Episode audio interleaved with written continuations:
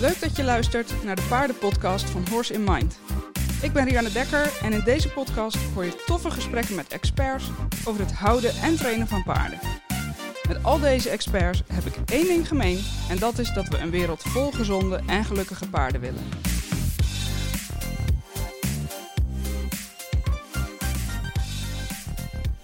Hi, dit is de 25e aflevering van de Paardenpodcast. En in deze aflevering hoor je Jent Driesen van Horse Complete. Met Horse Complete maakt zij kruidenmixen op maat. En ze maakt die op maat met behulp van de Biotensor. En de Biotensor is een beetje vergelijkbaar met een pendel, maar werkt wel iets anders. Uh, in deze podcast gaat Jente daar natuurlijk alles over uitleggen. En gaan we het ook uitgebreid hebben over, over kruiden en hun werking. Uh, maar natuurlijk ook uh, de rest van het dieet van paarden. Uh, wat natuurlijk een ontzettend belangrijke basis vormt. Um, ik ken Jente inmiddels een aantal jaar. Zij heeft me jaren geleden geholpen met mijn eerste paard. Mijn vorige merrie is dat, Cassindi. om haar weer nou, relatief gezond te krijgen. helemaal gezond kon zij helaas niet meer worden. Ze had darmproblemen. Maar dat was mijn eerste kennismaking met, met Jente. En een hele goede, omdat mijn paard er ontzettend van op was geknapt. En het leek me leuk om, uh, om jullie kennis la te laten maken met deze manier van kruidenmixen samenstellen. En, um, ja, en wat de biotensor nou eigenlijk allemaal kan en, en doet. Ik wens je heel erg veel luisterplezier. Ja, nou hoi Rianne. Ik ben Jente Driessen van Horse Complete. Um, ja, ik ben uh, denk ik al een jaar of tien, ja, tien jaar uh, bezig met Horse Complete. En dat betekent dat ik uh, mijzelf een soort van gespecialiseerd heb in voeding. Um, met name kruiden en kruidenmixen en het uitmeten van voer voor paarden en voermanagement. Dus hè, hoeveel geef je van per dag en van welk product en wat is de beste combinatie. Um, en dan aanvullend met, ze, met de kruidenmixen. En um, je zegt, ik, ik, meet dat uit voor mensen. Op, welke manier meet je dat dan? Nou, ik meet het uit voor paarden. Uh, oh, inderdaad. ik denk, ik zie jou iets, een, een, een, een, een beweging maken met je mond. Ik denk, hè, wat, wat wil ze vertellen? Leuke verspreking, inderdaad. Ja. Ik meet het ook wel eens voor mensen uit. Um, dus dan um, maak ik kruidenthee.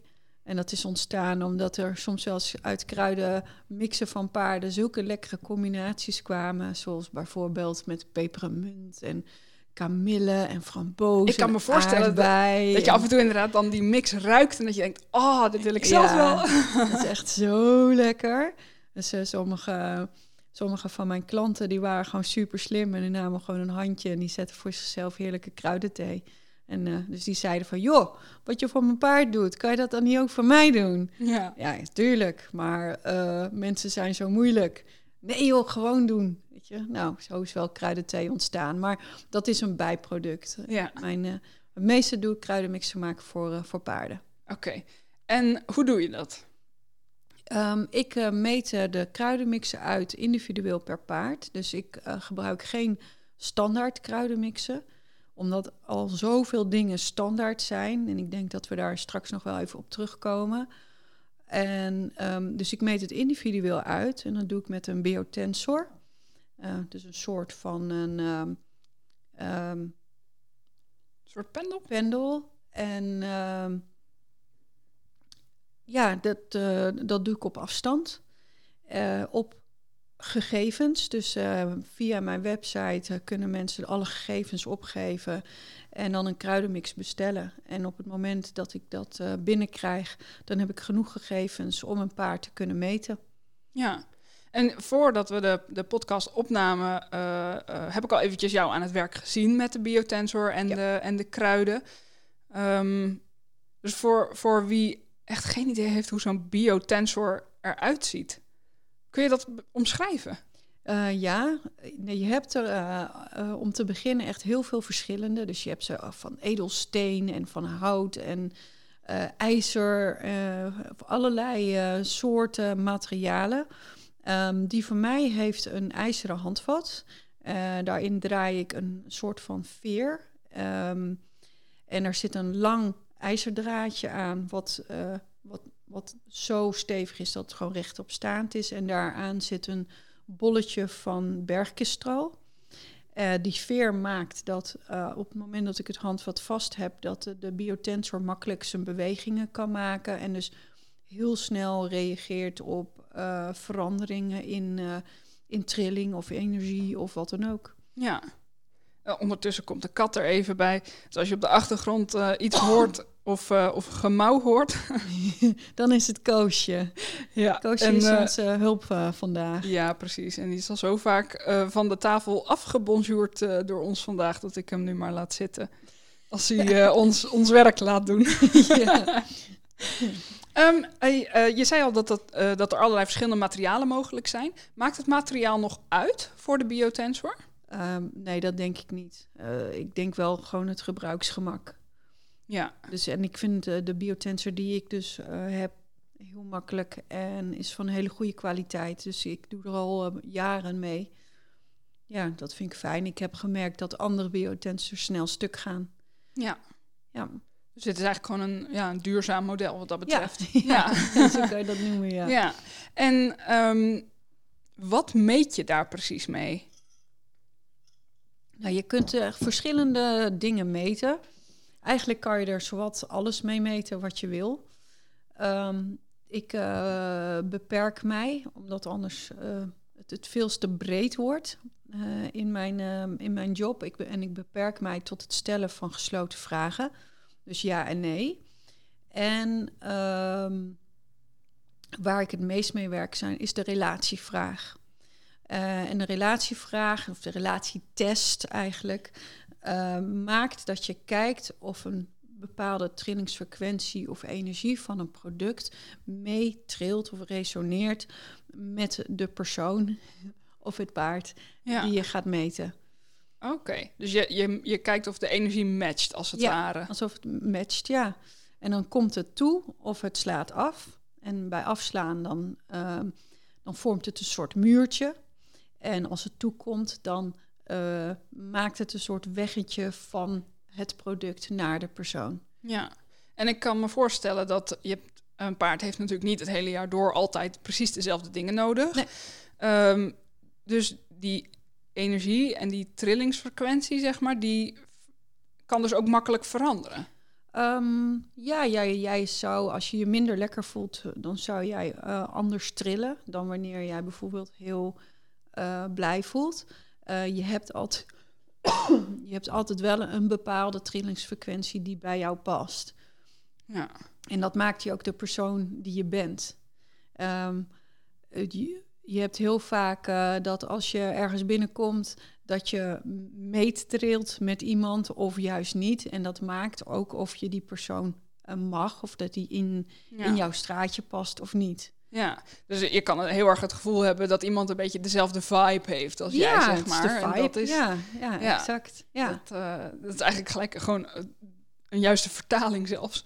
Ja. Uh, wat dat betreft. Ja, dat, dat vind ik een leuke vertaling. Die ga ik gebruiken. ja. wat, wat maakte dat je, dat je uh, dit bent gaan doen met voeding? Wat, wat trekt jou hierin aan? Nou, ik, um, ik kom heel eigenlijk uit automotive. Dus ik uh, was een heel commercieel meisje. En had alleen met auto's te maken. Ook PK's, maar dan op een andere manier. Daarnaast uh, uh, rijd ik vanaf mijn zesde al paard. En op, als tiener maakte ik al pony zadelmak. En ben zo in de paardenwereld um, gekomen. Ehm, ik ben ook nog van de oude stempel geweest. Ehm, hè, dus op een gegeven moment had ik wel uh, tussen twee en vier paarden op stal die ik voor eigenaren reed. En de ene om, om weer uh, op therapeutische basis te kijken of die weer in de sport kon komen. En de andere om dus zadelmak te maken en tot wat ze wilden, van B tot het Z uh, klaarmaken en dan verkopen. Nou, en daar kwam ik zoveel paarden tegen waarbij ik altijd iets miste. En en ik had daar nooit een antwoord op. Want uh, ja, je moest ze maar een paar kilo biks geven en hooi. En anders deed je er zemelen bij. Of je maakt een of andere papje met rijst, eh, of eh, sorry, met maismeel en van dat soort dingen. Ja. Nou, dat is wat ik ook kende.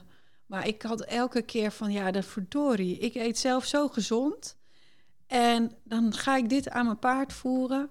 Nou, en toen zijn er een aantal mensen wel in mijn omgeving geweest die eh, mij op een andere gedachte hebben eh, gebracht. En daar ben ik heel erg over na gaan denken en wat eh, cursussen gaan volgen en dergelijke. Ehm, waaruit dus Horse Complete is ontstaan. Nou, dat is allemaal ehm, voor 2010 geweest. En toen ben ik ermee gestart. Ehm, eh, en, en laat maar zeggen, ontwikkeld wat het nu is. En in die tijd had ik gewoon zelf nog een baan. Eerst eh, werkte ik fulltime en dan mijn paarden nog. En toen ging ik parttime werken. En eh, merkte ik gewoon dat er hier steeds meer vraag ehm, in kwam. ja. Ehm, en ben ik het verder gaan ontwikkelen tot wat het nu is. Want ben je meteen begonnen met kruiden? Ehm, ja, en eerst maar een aantal. En eh, gewoon kijken van wat, eh, wat voor voeding eh, is er in, in Nederland. Wat ik anders kan gaan geven. En waarom ga ik het dan anders geven? Ehm, ehm, kan dat wel? Hè? Ik had paarden hoog in de sport lopen. Kan dat dan wel? Want die hebben toch heel veel energie nodig en die moeten veel. En ja, ik moest echt wel van dat idee af. ehm, dat goed ruwvoer met vitamine en mineralen. En daar wil ik straks ook nog even op terugkomen. Ehm, en, en een goede huisvesting. Het is de cirkel om het paard allemaal klopt. eh, dat dat eigenlijk het geheim is. En dat het niet het geheim is van hoeveel gooi je erin. Nee. Ehm, en toen ik dat geheim had ontdekt, ja, toen wilde ik dat natuurlijk wel aan de hele wereld vertellen. Ehm, en en eh, ja, daarvanuit is het eigenlijk het hele idee ontstaan. Ehm, en ik kan me zo voorstellen dat er, er zijn best wel veel ehm, ja, webshops die gewoon losse kruiden verkopen. Ja. Dat doe jij niet in principe. Nee. Jij meet echt een mix uit. Ja. Hoe ben jij op dat idee van die biotensor gekomen om, om dat te gaan gebruiken in, in het werk met de kruiden? Ja, ik was al eh, met de biotensor in aanraking geweest. Eh, ja, ik noem het altijd door mijn eh, bonusmoeder. door mijn kunstmoeder. Die gebruikt dat altijd al. En toen kwam ik ook eh, door vriendinnen daarmee in aanraking. En ehm, ja, toen ben ik ook al op het idee gebracht van ga er eens wat mee doen. Ehm, en ik had nooit verwacht dat ik daar zo voor open kon staan. Want hè, ik was een snelle meid en auto's. En, eh, dus ehm, ja, hoe, hoe dan? Weet je, Je, je vond biotensor eigenlijk wat te zweverig voor jou? ja, ik vond me raar. Hou eens op, weet je wel. Ja. Ga, weg met je biotensor. Ja. Ga ergens anders rondjes draaien met dat ding. ja. Ik dacht, nou, wat moet ik er nou mee? Maar ik, ik nam zo'n biotensor in mijn hand en het werkte gewoon. En ik, ik kon zo goed mijn, ehm, met wat ik doorkreeg vertalen. Ehm, en ik bleek daar ook wel gewoon heel gevoelig voor te zijn. Ehm, en ik denk ook vanuit eh, hoe ik zelf ben, dat ik, eh, ehm, ik. Ik wilde gewoon niet dat ik op de voorgrond stond, maar juist het paard. En paardenwelzijn. En wat, wat wil een paard nou aan mij vertellen?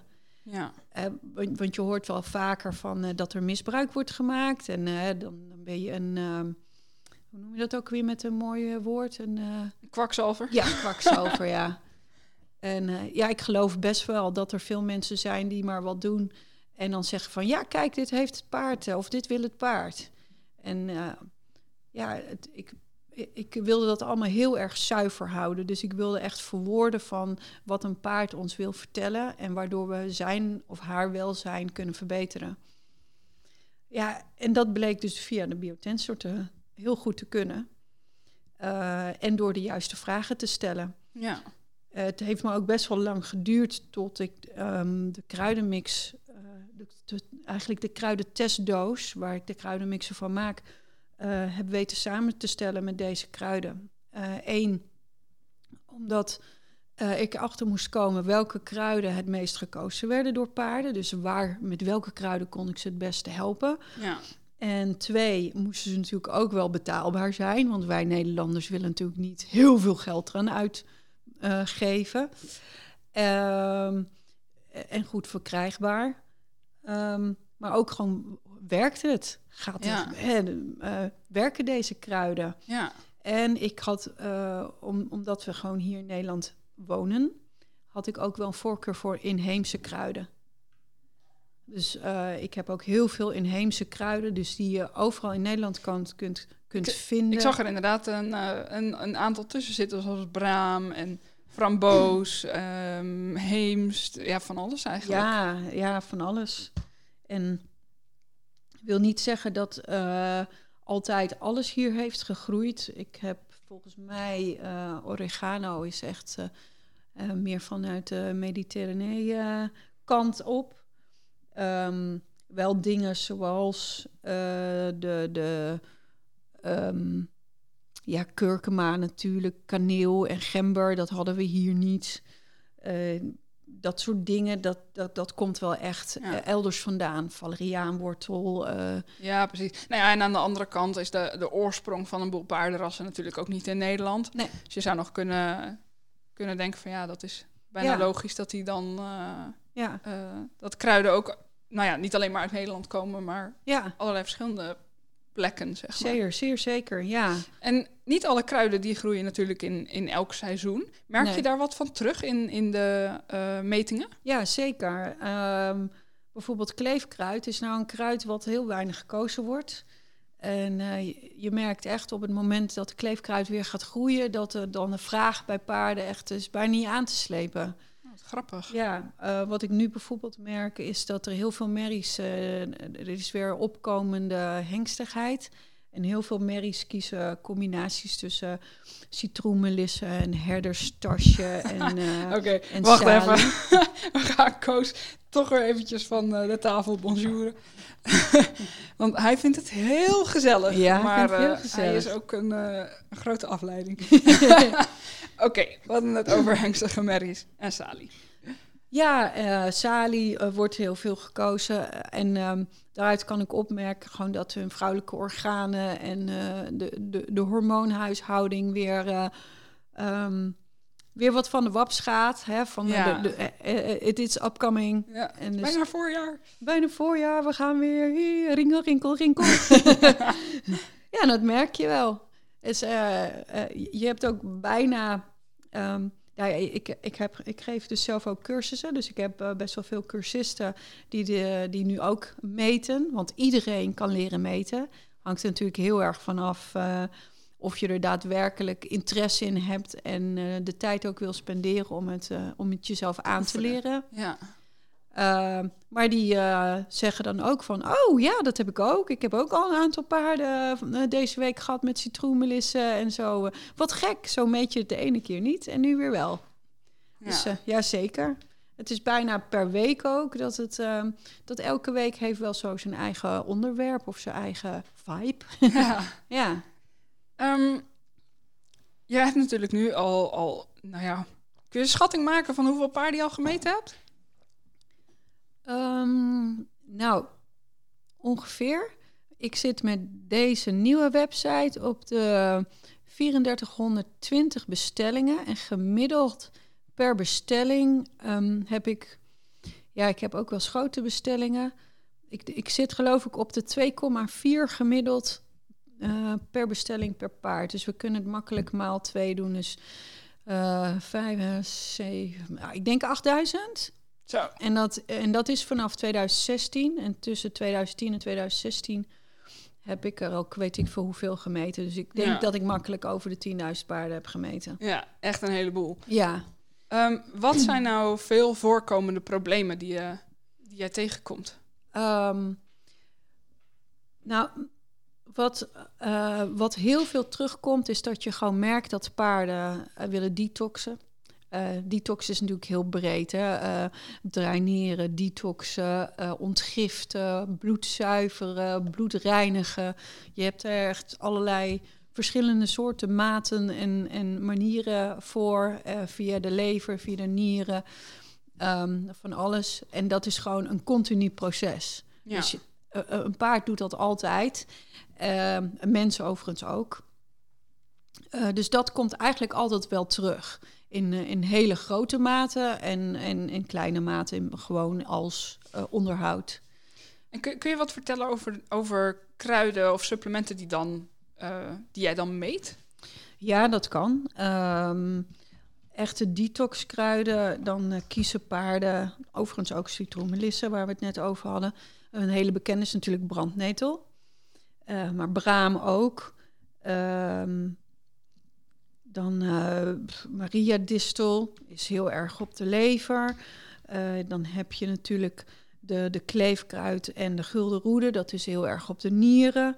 Ehm, duizendblad, driekleurig viooltje, olijfblad, eh, jeetje, tijm, salie. Dus er zijn er echt heel veel. Dus bijna alle kruiden hebben allemaal wel een beetje, tenminste de kruiden die ik dan gebruik, een, een beetje een ehm, reinigende eh, functie, Ja. een reinigende werking in zich. Niet Ik- allemaal, maar heel veel wel. Paardenbloem is een hele mooie. ja. En, maar ze hebben ook eigenlijk allemaal wel ehm, meerdere voordelen of functies. Ja, Hè? meerdere werkingen. Ja, en dat is namelijk het mooie ook als je kruiden gebruikt. Ehm, het complementeert elkaar heel erg. Eh, en je ziet ook als... ehm, ik ben elke dag... eh, gebruik ik de verwondering, ben ik verbaasd. Dus bij elke Ja. meting die ik doe, eh, bij elk, elk nieuw paard, dan ehm, ga ik niet denken, oh, hij zou wel dit of dat of dat willen of zo. Of, eh, oh, ik heb gezien ehm, dat ze een opmerking heeft gemaakt en hij was een beetje stug. Nou, dan zal hij vast wel. nee, Ja. dat probeer ik juist niet te doen. En ik probeer juist altijd eh, de verwondering te houden. Dus ik maak contact met het paard. En dan ga ik gewoon kijken, wat vertelt het paard mij nou eigenlijk? Ja. Waar heeft hij behoefte aan? Want als een paard stijf is in de spieren of dergelijke... dan hoeft dat helemaal niet eens per se iets met de spieren te maken. Het kan ook zijn ehm, dat hij gewoon een beetje vol is gelopen... met heel veel ehm, eh, afvalstoffen. En dat hij daarom gewoon niet zo heel fijn meer beweegt. Dus dat het paard helemaal niks kiest voor de spieren, maar juist iets op de lever om, uh, om al, al die afvalstoffen af te kunnen voeren. ja. Dus uh, ja. Dus ik kan me dan ook wel voorstellen dat je... Kijk, als eigenaar zie je natuurlijk je paard elke dag. En je ziet dus ook wat er uh, Mhm. verandert aan je paard. Ja. Um, maar ik kan me goed voorstellen dat als iemand ziet dat zijn paard bijvoorbeeld een beetje stug is... dat je heel makkelijk naar producten of kruiden kan grijpen die heel erg op de spieren gericht zijn. Ja. Terwijl dat dus misschien helemaal niet het onderliggende probleem exact, is. Exact, ja. Dus is het, um, is het een te, te, te, te, makkelijke gedachte eigenlijk om te denken... nou, kruiden kunnen toch geen kwaad, dus ik probeer wel wat? Ja, ik vind van wel. En kruiden ja. kunnen echt schaden. Um, ik hoor ook wel eens van... ja, maar als er kruiden in zitten die ze niet nodig hebben... dan gebruiken ze toch niet. Maar het gaat wel gewoon door het hele systeem heen. En kruiden kunnen ook echt gewoon te veel zijn... Um, het, hangt gewoon natuurlijk geheel van de constitutie van het paard af, hè, hoe zwak of hoe sterk het nog is. Uh, maar zelfs, um, ik bedoel, een paard bij mij tussen de 1,46 en de 1,80 krijgt maar 20 gram, nog ineens 20 gram per dag. En soms lees ik wel eens uh, dat ze best hele grote hoeveelheden kruiden moeten krijgen. Nou, dan schrik ik wel eens. En ook wel eens wat erin zit. En een paard kan er echt gewoon ziek van, van zijn. Kun je, kun je wat voorbeelden geven van situaties en ja. of kruiden die je dan beter niet kunt inzetten? Um, nou, dat is ook vooral bij drachtige merries. Mag een hele hoop niet, dat moet je echt weten. Maar als een paard, um, stel dat je. Uh, stel dat een paard gewoon van zichzelf heel zwak is en zijn spijsvertering nog helemaal niet sterk is, dus hij kan niet goed um, ze, alle voedingsstoffen opnemen en dergelijke. En je gaat zo'n paard heel sterk uh, detoxen, dan, ja, dan sla je, naar mijn gevoel, de hele basis eronder uit. Um, ik merk heel vaak bij dat soort paarden dat die eerst weer helemaal de spijsvertering en de darmgezondheid in orde willen maken. En dan pas in staat zijn om sterk genoeg te zijn om, om flink te detoxen. Ik kan me, kan me inderdaad voorstellen dat als je ervoor zorgt dat afvalstoffen afgevoerd gaan worden, Ja. dan moet je ook wel een systeem hebben wat dat aan kan. Wat het aan kan, ja. En eh, als iemand eh, denkt van ja, ik, eh, oh, hij waarschijnlijk moet hij detoxen, ik, ik zet wat in voor de lever, ja, dan kan dat best wel heel heftig zijn. Ja. En eh, dat heb ik ook wel ervaren. En eh, dat paarden er alleen maar sipper en zieker en, en bijna moedelozer van worden. En dat ze er echt van opknappen. En dat mensen dan zeggen van ja, ik heb er alles geprobeerd. Maar hè, ik heb gedraineerd, ik heb gedetoxed. En, ja, en, en dan ga ik meten en dan wil dat paard dat helemaal niet. En die heeft meer zoiets van, oh, ik wil echt mijn spijsvertering en alles eerst op gang hebben. Want Ja. daar begint het mij. Ja. Dus, ehm, en soms ook helemaal andersom hoor. En daarom ben ik eigenlijk helemaal niet een voorstander van standaard, ehm, standaard mixen. Daar, ehm, ja, ik, daarom doe ik het liever individueel. Want het paard vertelt dan wat hij daadwerkelijk nodig heeft. En wie zijn wij om te verzinnen van... eh, Ja. ja. je kunt er natuurlijk wel eh, bepaalde dingen aan de buitenkant zien. eh, maar ook een hele hoop weer niet. En wie zijn wij dan om te bepalen wat dat paard moet krijgen? Ja, nou ja, want je, eh, ehm, er zijn natuurlijk best een boel eh, supplementen door bedrijven gemaakt, zeg maar, waar dan ehm, vind ik altijd best wel veel verschillende Ja. kruiden in zitten. En ik snap Ja. wel dat ze dat doen, want dan heb je een heel breed spectrum en zit er vast voor ieder paard wat, eh, wat bij dat, dat werkt. Ja. Maar ja, ongetwijfeld. Ik zie jou vier kruiden uitzoeken, weet je wel? Ja, Of uitmeten, moet ik zeggen. ja, Ehm, dan kan ik me best wel voorstellen dat er best wel wat kruiden tussen zitten die het paard dus helemaal niet nodig heeft. ja. Dat, dat is ook heel vaak zo. Ja. Ja, en, eh, ehm, ja, ik zeg ook maar zo van, er zijn wel eh, natuurlijk heel veel wegen naar Rome. En eh, de, de mensen die de, de standaard mixen hebben gemaakt, die hebben daar natuurlijk hun eigen visie achter. En het, natuurlijk helpt het een hele hoop paarden wel heel goed. Ehm, maar het helpt ook een aantal paarden weer helemaal niet goed en gaat het de verkeerde kant op. En dat vind ik altijd wel een beetje eng. Ja, dat, dat snap ik heel goed inderdaad. Ja. Ehm, nou, tegenwoordig worden ook eh, ehm, bijvoorbeeld eh, snackwandelingen worden eigenlijk Ja. steeds populairder. Hè? Dus Ja. gewoon met je paard gaan wandelen en hem zelf laten uitkiezen. Ja, Denk je dat paarden altijd kunnen uitkiezen wat goed voor ze is? Of nee, helaas niet. Nee, paarden zijn eh, vanaf oorsprong niet eens grazers, maar zijn.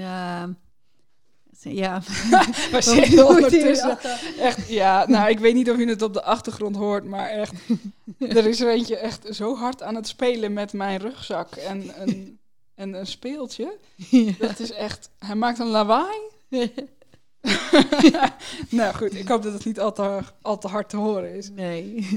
Ja, eh, paarden zijn dus niet ehm, alleen grazers, maar paarden zijn verzamelaars. Ehm, wat, wat paarden vroeger, en dan heb ik het weer over Nederland, eh, in ieder geval eh, tot de jaren 40 zeker nog konden doen, is ehm, overal verzamelen waar ze, waar ze wat wilden hebben. Dus struiken, bomen, eh, knollen, wortels.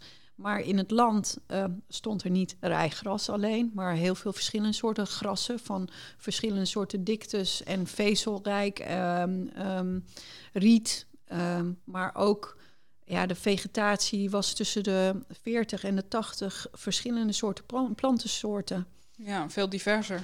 Ontzettend divers, ja. En met de, de landbouw die we natuurlijk nu hebben en ook eh, het, het teruggaan van eh, alle eh, mineralen in de grond en dergelijke, wordt wat wij aan het paard geven natuurlijk steeds ehm, ja, minimaler en eh, lager in voedingsstoffen. Waardoor we nu steeds meer eh, extra's moeten gaan geven om het paard voldoende voedingsstoffen te kunnen eh, geven om op te leven. Ja, Ehm, dus, dus als je met een paard gaat, gaat wandelen en, en je laat ze zelf kiezen, dan eigenlijk is dat ook nog te beperkt in keuze. Ja, ehm, op sommige wandelingen vinden we wel heel veel ehm, vegetatie nog, maar dan niet meer in de, in de aantallen zoals dat vroeger was. Ja, Eh, en in een gemiddeld uh, rijgrasland, nou, staan er eh, vier en hooguit tien soorten die ze kunnen eten. Ja. Eh, ja, dus het is erg beperkt geworden. Ja. Denk je dat het wel interessant is om af en toe gewoon zo met je paard op wandeling te gaan? Ja, om te, om te zeker. zien wat hij uitkiest ook? Ja. ja, ik krijg ook wel eens eh, dat mensen daarom juist geïnspireerd raken om een kruidenmix aan hun paard te geven. Oh ja. En dan ehm, hebben we hebben het net bijvoorbeeld over braam gehad of zo, of eh heermoes, ehm, of madeliefjes of zo. Dat, eh, dan, eh, dat ik dat er dan ook uithaal en dat dan de eigenaar als terugkoppeling geeft van... oh, dat is grappig, ik liep langs, langs een braam en toen wilden ze daar per se van eten. Ja, ja, dat zegt het al. ja. Dus ja, ja. Dus het is, het is een beetje een onderscheid maken ook tussen vinden ze het gewoon lekker of hebben ze het echt nodig. ja. Het is, het is mm, niet. eh, je moet eigenlijk nog niet echt conclusies aan verbinden. Nee. Het kan een indicatie zijn. Het is niet zaligmakend, het Ja. kan wel een indicatie zijn, ja. Ja. Ja. En ehm, natuurlijk is een, een kruidenmix alleen is niet voldoende voor een gezond paard Nee. natuurlijk. Nee. Eh, geef jij ook advies over de rest van de leefomstandigheden? Ja, ehm, nou, eh, dat is nog best wel lastig. Ook het ruwvoer is heel lastig, omdat eh, je vooral als paardeneigenaar vaak te maken hebt met wat de, de stal waarop je staat aan ruwvoer levert en hoeveel. Ja. Dus dat is nog soms best wel eens een gevecht. Eh, want bij ruwvoer eh, staat, staat het of gaat het niet. En ehm, als het ruwvoer gewoon niet oké is, daar eh weet je, een, een- paard van 600 eh, kilo moet zo tussen de 9 en de 12 eh, kilo per dag eten. En soms zelfs nog wel meer, afhankelijk van hoe, groot is, hoe groot is het paard. Nou, dat wordt lange nabij niet gegeven bij paarden. Hè, waardoor je dingen krijgt zoals maagzweren of die darmproblemen. Veel eh, wordt het, tekort aan eh, ruwvoer ehm, opgevuld door krachtvoer. Dus de, er, wordt dan eh, meestal van de 1 tot soms wel 6 kilo krachtvoer en nog extra producten zoals muesli's en dergelijke gevoerd aan een paard om dat gat op te vullen. Ehm, wat ik daarvan heb gemerkt is, ehm, is eigenlijk twee dingen. Eén, ehm, het paard krijgt een hele andere soort van energie. Want krachtvoer werkt ook mentaal door. Dus eh, paarden worden helemaal, ze heel veel krijgen, ook een beetje eh, wiebelig of gek in het hoofd.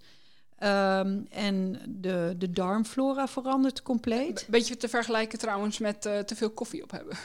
Exact, ja. Of te veel frisdrank of wat. Te veel frisdrank, te veel suikers, ja. Ja. Ehm, ik heb ook het idee dat daardoor heel veel verknipte ehm, dierenmishandeling. Ja, het klinkt een beetje zwaar, zo wil ik het niet brengen. Maar als jij te veel koffie hebt, dan kan je echt strontvervelend worden. Omdat je zo, omdat je zo ontzettend eh, wiebelig bent en je hebt zoveel energie en je wil en je gaat. Nou ja, dat zijn van die paarden dat als je daarmee start de eerste tien minuten, dat die je alle kanten van de bak laten zien en gewoon niet kunnen stoppen. En gewoon ah, gaan, gaan, gaan. En, ehm, en heel schrikkerig zijn, eh, waardoor ook mensen bang worden, nog gespannender gaan zijn. Paard moet rustig blijven. Nou ja, dat is, een, dat is heel vaak dan een clash tussen eh, een paardeneigenaar en het paard zelf.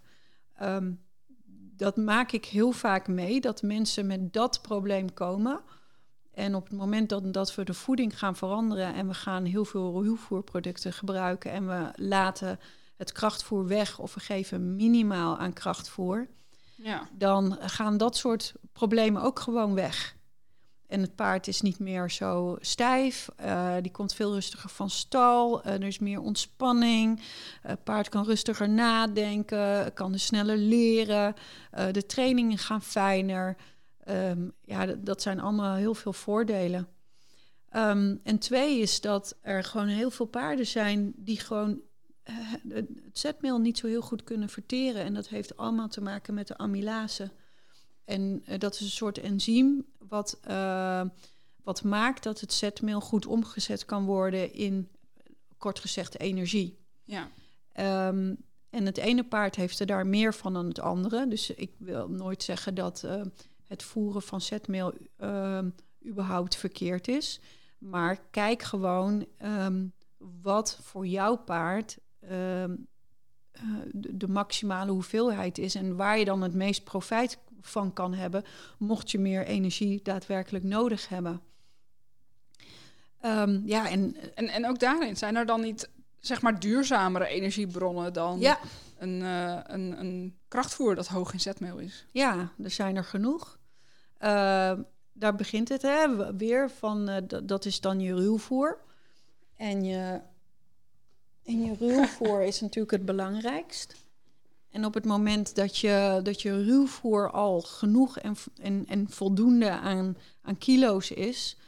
eh, en ook eh, het paard voldoende voedt... want je hebt natuurlijk ook rijk en arm ruwvoer... en je hebt eh, hooi, je hebt voordroog, je hebt, of paardenkuil, maar net wat iemand wil zeggen.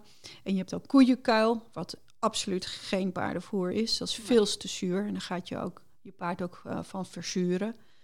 Een van de redenen, je hebt al een podcast gehad over fascia, Ja, waardoor fascia dus ook heel strak komen te staan. eh, niet alleen fascia, ook lymfe en dergelijke. Ehm, maar ja, daar, daar begin je eigenlijk. En vanuit daar, omdat we dan ehm, niet kunnen garanderen dat er voldoende zit in, in het ruwvoer, vind ik eigenlijk stap 2 altijd een vitamine-mineralenbrokje erbij. Of wat Jantine heeft, die heeft bijvoorbeeld een kruiden- of een bloemenmix waar heel veel vitamine-mineralen in zitten. Dat je dat aanvult daarmee. ja om een stukje van die, van die diversiteit eigenlijk aan te bieden Ja, waar we het eerder over hadden. Ja. ja. En, eh, maar dan heb je nog, het nog steeds over een algemeen product wat door ons is vervaardigd. Ehm, hè, want in, in- Ja. of je nou eh, krachtvoer geeft, of een vitamine-mineralenbrokje, of ehm, een ruwvoerproduct. Ehm, er zijn genoeg ruwvoerproducten, zoals Agrops heeft er heel veel. Ehm, de Alpengrun, eh muesli, Metasoa eh, heeft, alleen maar ruwvoerproducten. Ehm Denji, er zijn er een hele hoop die dat hebben. Ja. je paard Allemaal- gezond en fit. Precies. Allemaal Allemaal op basis van, eh, ik geloof, Luzerne hè, en, Ja. en Timothée en. Ja. Ja, en, eh, ja, en daar, daar zitten ook gewoon genoeg aminozuren in om, ehm, en, en dus eiwitten, om een paard voldoende te laten groeien in, in bespieringen en geeft, geeft goed energie. Ja. Ja, Dus daar zou je veel eerder naar grijpen eigenlijk dan, dan de traditionele Ja. brok, zeg maar. ja. Ja, het nadeel van heel veel ehm, krachtvoer geven, dus heel veel zetmeel en dergelijke, is, eh, is de verandering in de darmflora. Ehm, en dan kan een paard eigenlijk niet meer zo goed fermenteren. En juist het fermenteren van, eh, van het ruwvoer maakt dat een paard zelf vitamine kan aanmaken. Ehm, dat dat de, eh, met, de, met die stofwisselingen ook alle voedingsstoffen goed opgenomen kunnen worden. En als op het moment dat dat niet meer zo is en je gaat dat opvullen met krachtvoer, dan raakt een paard eigenlijk gewoon een soort van verslaafd aan krachtvoer, omdat hij niet meer voldoende kan halen uit ehm, de verslechterde fermentatie van het ruwvoer. Ja. Je, je, je ziet dan ook vaak wel in de mest dat er grotere stukjes ruwvoer eh, in blijven zitten. Dat dat gewoon allemaal niet meer zo goed gaat.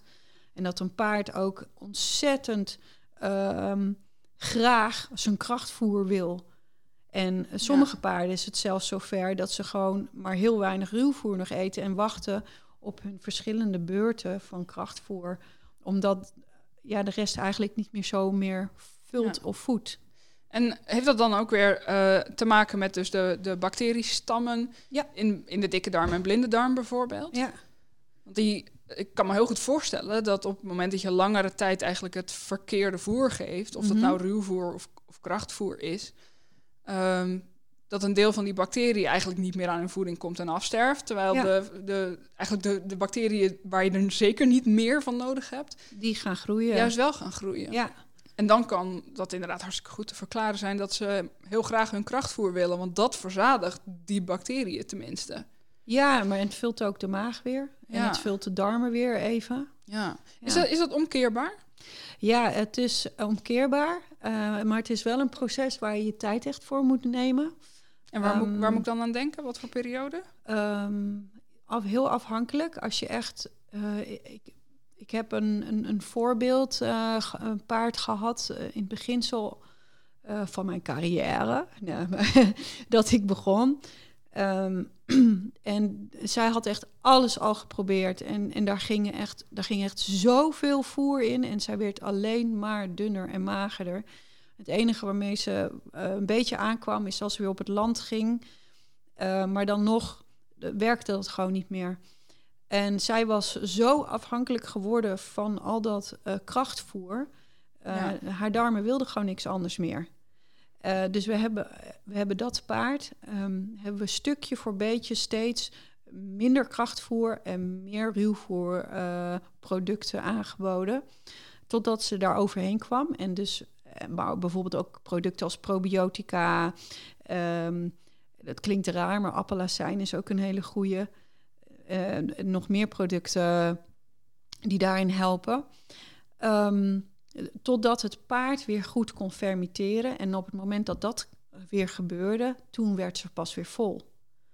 Ja, en dat heeft best wel lang geduurd. Dat was echt een proces van maanden. Ja. En dan helemaal als je bijvoorbeeld begint in de winter. In de winter behoren eigenlijk alle paarden af te vallen. Uh, vanuit natuur. Een natuurlijk proces. Ja. ja. En, en dan proberen een paard dikker te krijgen, dat is helemaal heel moeilijk. Ja. Maar het is uiteindelijk gelukt. En um, die staat nu gewoon op uh, ruwvoer en een vitamine mineralen brokje. Punt. Wow. Meer ja. niet. Ja. Um, ja, en sommige paarden, daar merk je van dat dat allemaal nog niet zo heel erg is. Dat ze er wel last van hebben. Uh, darmproblemen, maagproblemen hebben, maagzweren. Ja, en dan is het een overbruggingsperiode van het ene voer naar het andere voer. Um, in twee weken, een maand, is dan wel een, een hele goede. Dus steeds een beetje meer van dit, een beetje minder van dat. Ja. ja. En is dat, uh, is dat eigenlijk niet een goed advies voor eigenlijk alle paarden als het gaat om, om bijvoorbeeld voerverandering of ruwvoerverandering voornamelijk? Um, om dat rustig aan te doen? Ja, sowieso altijd wel. Um, er zijn mensen die zeggen van uh, ja, je moet niet de paard de hele tijd hetzelfde geven. Daar ben ik uh, deels ook wel mee eens. En deels niet omdat er heel vaak gewoon, oh, mijn zak is op, ik koop een andere en dan krijgt hij dat. Ik zou altijd eerst gaan mengen en dan het rustig over laten gaan naar het volgende. Um, er valt wat voor te zeggen dat uh, je verschillende producten geeft, omdat je dan de, de darmen stimuleert steeds ander soort voer te um, verwerken. Um, daar valt ook weer wat voor te zeggen. Um, en wat ook zo is, is dat op een gegeven moment, omdat al het voer is gemaakt voor in het algemeen een, de paarden of ponies en soms voor merries of soms voor jonge paarden of voor oude paarden. Maar het is nog steeds een heel algemeen product. Ja. dat, dat je op een gegeven moment wel een soort van verzadiging krijgt. En dat merken we ook gewoon bij de vitamine mineralen brokjes hoor. Dat de ene keer uh, Hey, we meet Vitalbix heel goed en dan meet je het naar um, een half jaar of zo. En nou, dan willen ze toch eigenlijk overgaan naar Metazoa of ze willen naar, uh, naar Equilin of ze willen naar Marstal of ze willen naar Pavo of ze willen... Hey, ik, wil, ik wil niet maar één merk noemen, want ik ben merk onafhankelijk. Maar het kan alle kanten uitschieten en soms verbaast het je gewoon waar een paard voor kiest. Ja. Ja. Dan... Um we hebben nou natuurlijk al, al gehad over ruwvoer, over kruiden, over krachtvoer. Ik zie hier voor me ook een hele doos aan, uh, aan supplementen ja. liggen. Mm -hmm. um, hoe, uh, waar heeft dat zijn, zijn plek in, uh, in het, nou ja, het dagelijks eten, zeg maar, en, en in jouw metingen? Nou, dan, dan komt het eigenlijk weer op neer over dat al het voer eigenlijk in het algemeen um, voor het gemiddelde paard is. Uh, buiten dat mogen uh, voedingsproducenten uh, of voerfabrikanten volgens de wet maar bepaalde hoeveelheden van mineralen en vitamine erin doen. Um, waarom is dat? Um, ja, dat er geen excessen zijn. Ehm, ja. ja, wat je, waar je het nou ja, kijk, in Nederland, als je naar de grond kijkt, Um, um, bijvoorbeeld in Rotterdam is het, uh, in, omstreken, is de hoeveelheid aan selenium in de grond weer heel erg laag. Terwijl dat in een ander deel van het land weer heel erg hoog kan zijn. En zo ook met magnesium en zo ook met kalk. En, um, ja, precies. Dus door de grenzen aan te stellen, voorkom je dat er een bepaalde groep last van krijgt. Eigenlijk. Ja, ja, dat je overschot krijgt. Bijvoorbeeld van selenium is dat niet zo handig. Van ijzer al helemaal niet. Ja. Uh, dus dus daar, uh, vandaar dat ze er waarschijnlijk uh, wetten aan verbonden hebben dat je niet geen excess gaat krijgen. Ja. Maar dat wil natuurlijk niet zeggen dat sommige paarden een grotere behoefte hebben door de plek waar ze staan, door het ruwvoer wat ze krijgen, noem het allemaal maar op, door het soort paard wat ze zijn. Hè, of het een Arabier is, is weer totaal anders dat het een tinker is. Um, of het een Shetlander is, uh, weet je wel, of een KWPN'er of een volbloed. Die hebben allemaal zo hun eigen, hun eigen um, behoeften en hun eigen metabolisme en dergelijke. Um, ja, eh, of je weinig traint of veel traint. Een paard dat veel traint heeft bijvoorbeeld weer meer selenium nodig, of vitamine E of uh, magnesium. Er is sowieso een, een groot tekort aan magnesium bij paarden.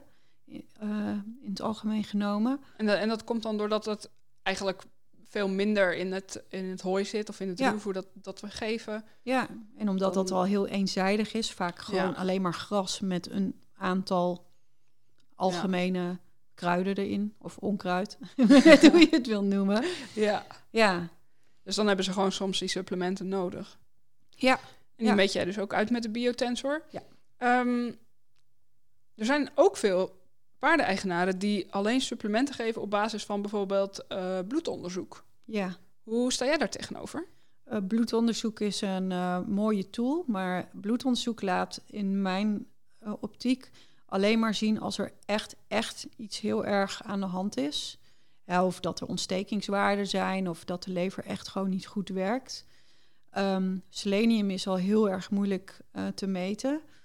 magnesium geloof ik iets makkelijker, maar Um, magnesium bufferen ze niet. Dus wat je daar wel in kan zien is, hebben ze het al uit de botten gehaald of niet? is, het, is al zo'n tekort dat het uh, uh, ontsloten wordt uit de botten of, of nog niet?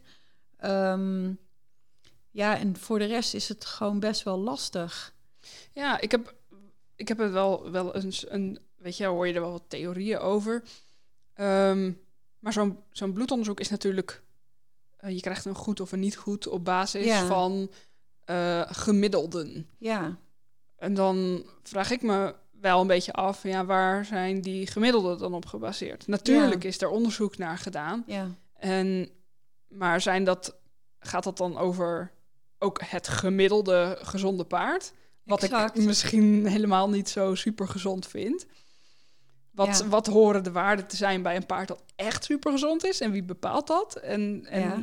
komen gemiddelden ook overeen voor ieder paard? ja. En zijn het merries, ruinen en hengsten? Zijn het eh, jonge paarden, ehm, middelbare leeftijdspaarden en oude paarden? Ehm, welk ras? Welk ras hebben ze allemaal? Ehm, Ja. eh, is, ja, dat soort dingen allemaal. Ja, ik, ik vind dat dus ook heel erg lastig. Ja. Dus Ik het is ik dan geloof wel, best- wetenschappelijk en mensen die Ja. varen er wel bij. Maar ik werk samen met Anouk en Anouk, Anouk Wiertz en zij is dierenarts. En ehm, ja, zij zegt ja, het is gewoon een mooie tool voor excessen. Ja, Ja. en voor de rest zie je er eigenlijk niet zo heel veel uit ja. eh, in. Dus als Ja. er inderdaad zeg maar kleine tekorten zijn of een klein tekort voor Ja. een bepaald paard, wat dan nog wel in het gemiddelde valt, en daar komt er dan inderdaad niet uit. Nee. Dus je zou het dan eerder, bijvoorbeeld bij echt excessen, is het handig. Of Ja. als er, eh, nou ik kan me voorstellen dat bijvoorbeeld bij spierproblemen, dat het goed is om, om te zien of dat Ja. eh, eh, verhoogde waardes geeft. Ja, bij PSSM of bij Cushing, hè, de ATCH-waarde is natuurlijk... en je kunt het altijd doen, want het zou zomaar kunnen zijn... en dat je paard ergens een ontstekingswaarde heeft. Dat je weet dat het een ontsteking heeft. Of als er, als er nierfalen of eh leverprobleem zijn of dergelijke. Maar jij zou zeggen, zet dat dan samen in met bijvoorbeeld een meting of op een andere manier meten of therapie, zeg maar. Ehm, nou, kijk, als jij ehm, bang bent dat er iets mis is met je paard, zeg ik altijd: ga eerst naar de dierenarts. En daarbij hoort een bloedonderzoek heel vaak eh, als een van de basisdingen wat, wat een dierenarts doet om te achterhalen. Ja. Dus het is zeker nuttig en ehm, je moet het ook zeker doen. Eh, wat ik hier doe is voeding. Ehm, ik, ik genees ook niks. Eh, ik mag dat ook niet. Ik mag ook geen uh, diagnose stellen, helemaal niet. Maar ik kan wel met kruiden um, daadwerkelijk de dingen ondersteunen waar het paard zwak in is. Of waar het paard dus die ondersteuning ja. juist heel erg nodig heeft. Dus je helpt eigenlijk het zelfherstellend vermogen een handje. Abs ja, ja. Ja, en uh, door dat ondersteunen en helpen, ja, ik mag het niet zeggen, maar daardoor genees je dus op een natuurlijke wijze alweer heel veel dingen uh, waar je normaal anders weer een, uh, een, medicatie of een ander supplement of dergelijke ja, of inzet. wat je helemaal niet door hebt eigenlijk in eerste instantie. Ja. Dat zou natuurlijk ook nog goed kunnen. Ja. Ja, en dat, zo gebeurt het ook heel veel. Hè, dat mensen ook zeggen van... ja, maar ik geef al jarenlang uh, um, aan mijn paard krachtvoer. Er is nog nooit wat gebeurd. Uh, totdat het paard in een, een soort van um, circulaire... Kom, of een um, beetje vicieuze cirkel. Vicieuze cirkel komt van uh, dat hij dat hij steeds allemaal gekke... Uh, blessures heeft. Of dan weer ja, een kleine kwaaltjes. Die, kleine ja. kwaaltjes, slecht in zijn vel, uh, lelijke vacht, gaat een beetje afvallen. Of juist uh, krijgt juist uh, allemaal harde vethoop of een harde manenkam. Gaat stugger lopen. Um, nou, we hadden het net al over gedrag. Gaat ander gedrag voor, vertonen. Um, Waardoor je dus ook niet meer fijn kan trainen, wordt kribbig. Um, ik hoor veel, van mensen van ja, ik, ik, ken mijn eigen paard niet meer. En dan gaan we in, met voeding en kruiden bezig. En dan uh, krijg ik, ik krijg gelukkig heel veel hele leuke commentaren. van oh, ik heb gewoon mijn eigen paard weer terug. Of oh, ik, uh, hij, hij, trok weer uh, van zichzelf een sprintje door de bak heen uh, toen ik hem losliet. En hij is weer zo ja. blij. En ja, dat, dan gaat mijn, mijn mijn paardbeminnende hart weer ja. heel hard kloppen. En ja, dat, dat vind ik zo gaaf. En daar doe ja. ik het ook voor. Ja, zeker. Ja. En ik denk dus ook eigenlijk dat zelfs als, er, als je geen problemen ziet ja. of kwaaltjes of wat dan ook, dat het misschien eigenlijk wel heel goed is om gewoon ja. op zijn minst een paar keer per jaar, uh, dus bijvoorbeeld de kruiden uit te laten meten of te laten meten met de biotensor wat, of er wat aan de hand is en of, er, of je paard vraagt inderdaad om, uh, om bepaalde kruiden. Simpelweg omdat je dan nog wat, weer wat meer een indicatie hebt van wat er mogelijk kan spelen, wat je nog niet aan de buitenkant ziet. Ja, en, en wat je paard op dat ogenblik eigenlijk even extra nodig heeft. Ja, ja. nee, maar zo is het ook wel. Um, het vormt ook een soort van dossier om, om jouw paard heen. Um, er zijn heel veel mensen die hun voedingsmanagement rondom hun paard, dus het rantsoen van hun paard, helemaal hebben aangepast. En dat is dat het dus nu gewoon een way of living is. Dus dat ze elke vijf weken bestellen ze een nieuwe kruidenmix, ga ik opnieuw meten. Daar komt altijd een advies bij en, en een, een opmerking van... Uh, nou, dit keer koos het paard uh, ondersteuning voor de nieren en de lever. Um, nou, ik merk dat het paard heel graag de vochtbalans wil herstellen... zodat de, de, de fascia weer wat soepeler kunnen en de spieren weer wat, wat fijner. En nou, dat soort dingen. Of nu dan met, met de hengstigheid. Of uh, ja, Cushing-paarden heb je natuurlijk. Uh, die, die zeg ik wel altijd, doe die elke vijf weken. Want je kunt heel goed Cushing-paarden, oftewel PPID. Hè. Ja, zo heet het tegenwoordig. Ja, zo heet het tegenwoordig. Ja. Um, die kun je heel goed ondersteunen met, uh, met kruiden zonder dat je dan procent hoeft te geven. Is het overigens niet in alle, uh, in alle gevallen zo. Want soms, het is een progressieve ziekte, dus, uh, dus soms is het al zo erg dat je echt procent helaas nodig hebt. Maar vaak ook niet. Um, paarden met artrose, dus paarden met pijn, kun je ontzettend goed ondersteunen met, ehm, met kruiden. Omdat het ze ook pijnstillend werken en, en alles mooi soepel houden. En al die afvalstoffen die er vandaan komen. Want met artrose kun je ook wel eens artritis krijgen. Dat er toch ontstekingswaarden zitten. Ja, dat komt allemaal in het systeem. Ja. Het voorkomen van insulineresistentie, maar ook weer vaak kunnen paarden toch nog weer herstellen van insulineresistentie. En dan hebben ze, doordat ze op dat ogenblik goed gaan voeren, er eigenlijk nooit meer last van. Ja. Hoefbevangenheid, dat is nog wel echt een ding. Dat is wel heel moeilijk. Ja, dat is ook afhankelijk van gewoon zoveel factoren. Ja, daar weet jij alles van.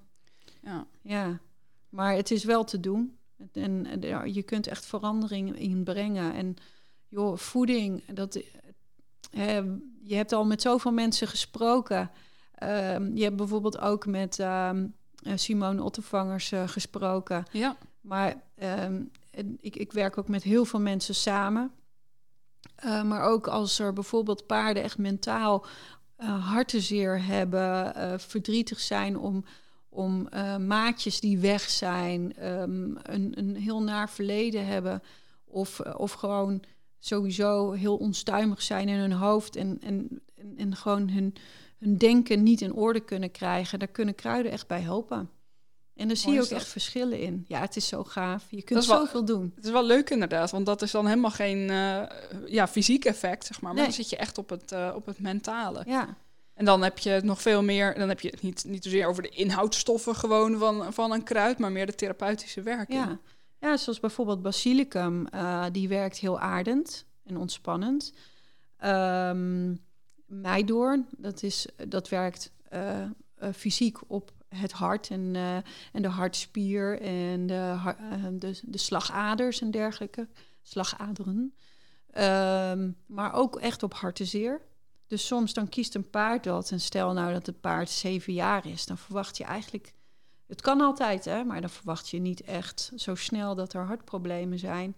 En dan ga je dieper doorvragen, eh het zij bij het paard of bij de persoon. En dan eh, blijkt net het maatje weg te zijn. En ach, weet je wel, maar daar Ja. krijg ik er altijd al wel een zwaar hart van. Dus dan weet ik meestal wel waar het om gaat. Ja. Ja, en zo zijn er veel meer. Eh, valeriaanwortel heb ik erin zitten. En dat is een rustmaker eh, zonder sloom te maken. En je merkt echt met een beetje hyperpaarden vanuit karakter. ehm, hè, dan moet je al de voeding oké hebben, dat ze niet hyper zijn van de voeding. Dat die bijvoorbeeld ehm, met de tijd, alles kost tijd. Is, hè, kruiden gebruiken is nooit van, oh, ik geef het een week is klaar. Het kan echt, ehm, je kunt eh, heus na een week of twee weken al, ehm, al resultaat hebben. Maar het kan ook echt heel lang duren. En heel lang is maanden, jaar. En helemaal als een paard echt heel ver heen is geweest, kost het revalideren van een paard. Ja, dat kan een jaar, twee jaar soms duren. Ja, eh, ehm, maar ja, met dat soort paarden dan die dan uh, erin, eh, dan merk je op een gegeven moment echt dat, dat het schrikken wordt minder. Een paard gaat eerst kijken en dan pas reageren. En of hoeven ze niet meer zo snel te reageren. Ja, en alles komt natuurlijk weer terug in die omgang met het paard en de training. Wat, wat gewoon allemaal prettiger maakt voor het, voor het paard en de paardeigenaar. Ja, het is best een, uh, een holistisch plaatje eigenlijk. Ja, het is heel leuk. Ja. ja. Om dan nog even terug te komen op, um, op de biotensor. Mm. Dus, um, dus niet de kruiden, maar dat waar je het mee meet. Je meet er nog meer mee, zag ik. En dat is het, het pijnprotocol. Ja. Ja, nou, ik gaf net al een beetje zo tussen neus en lippen door dat als ik aan het meten ben, um, net, net als met dierencommunicatie, krijg je dan heel veel door. Ik probeer dat een beetje zakelijk te houden, omdat uh, ik anders niet meer toekom aan uh, kruidenmixen meten. En, met, en, en, een kruidenmix vertelt ook al een heel verhaal. Um, maar um, daar eigenlijk uit ontstaan is dat ik op een gegeven moment wel eens paarden meten. En dan kreeg ik zo'n pijn in mijn nek, of pijn in mijn schouder, of pijn in mijn onderrug. En denk ik, hé, hey, jakkes, wat is dit nou weer? Is dit nou van mij? Heb ik verkeerd gezeten of zo? Zo is dat ontstaan. En um, nou, dan bedankte ik het paard. Ik, he, ik vraag altijd, mag ik contact? En daarna bedank ik, omdat je dan weer verder gaat. Anders blijft de energie bij mij. Dus dat is altijd heel belangrijk. En dan ging de pijn weg. En denk joh.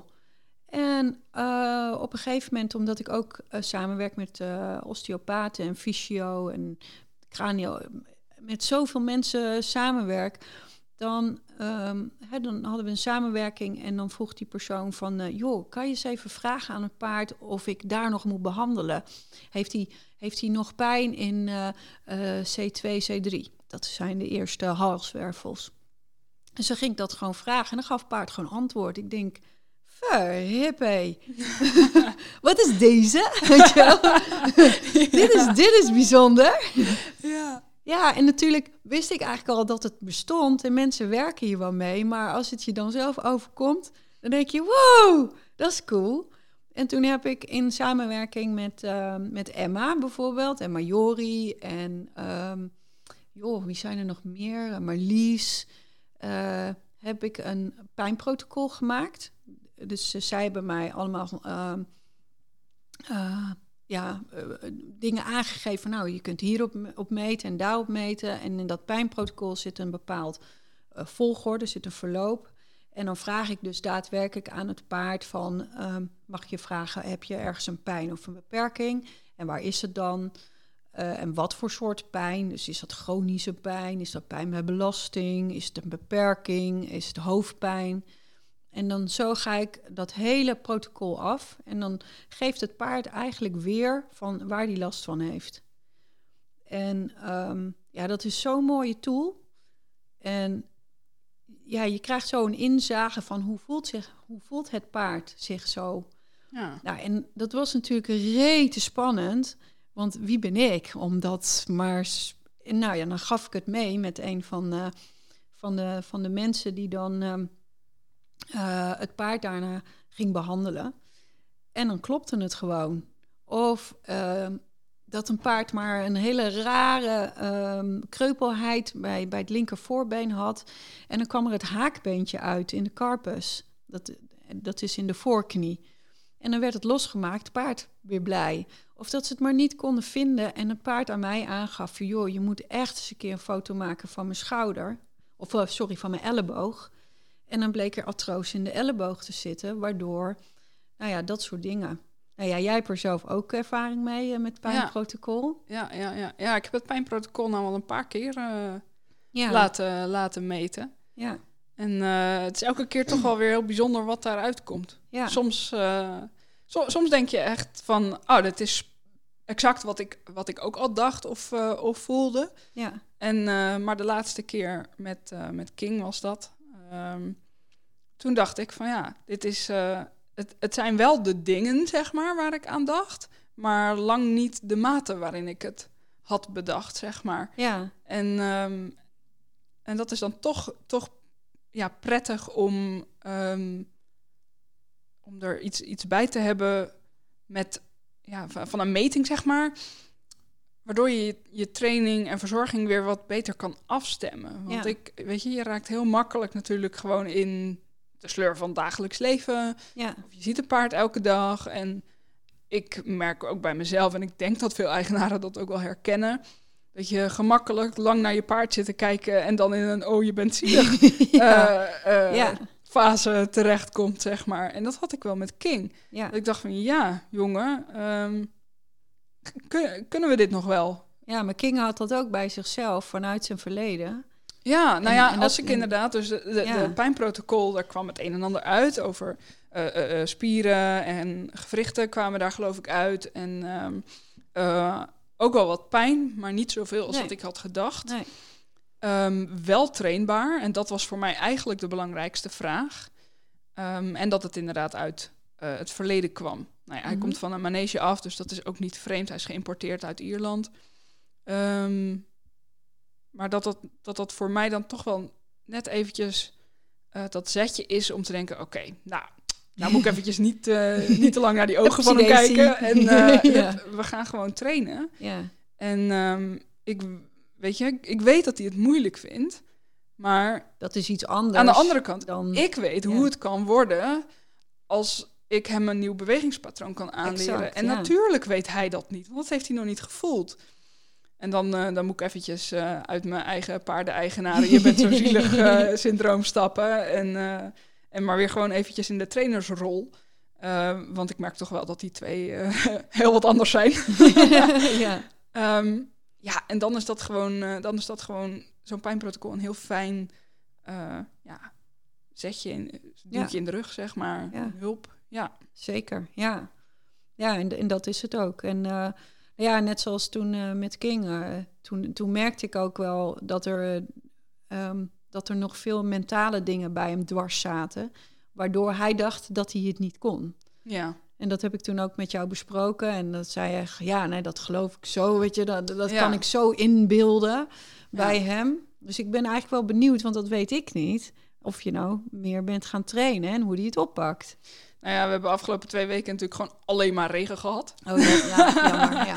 Ja, nee, dus afgelopen, het is eh, tot nu toe nog niet, eh, Van gekomen. nee, nog niet zoals ik eh, had gewild in ieder geval.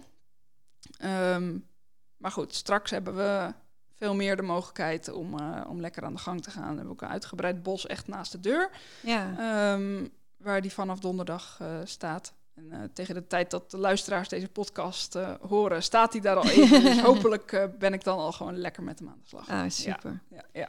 Ja, en wat ook heel vaak uit het pijnprotocol komt. soms kan een pijnprotocol echt heel erg confronterend zijn voor iemand. En is het inderdaad meer dan je denkt. En soms minder. En wat er ook heel vaak uitkomt, is dat paard gewoon maagzweren heeft. En ehm, ja, dat, dat in mijn rol hier eh, kom ik dat eh, ook best wel veel tegen.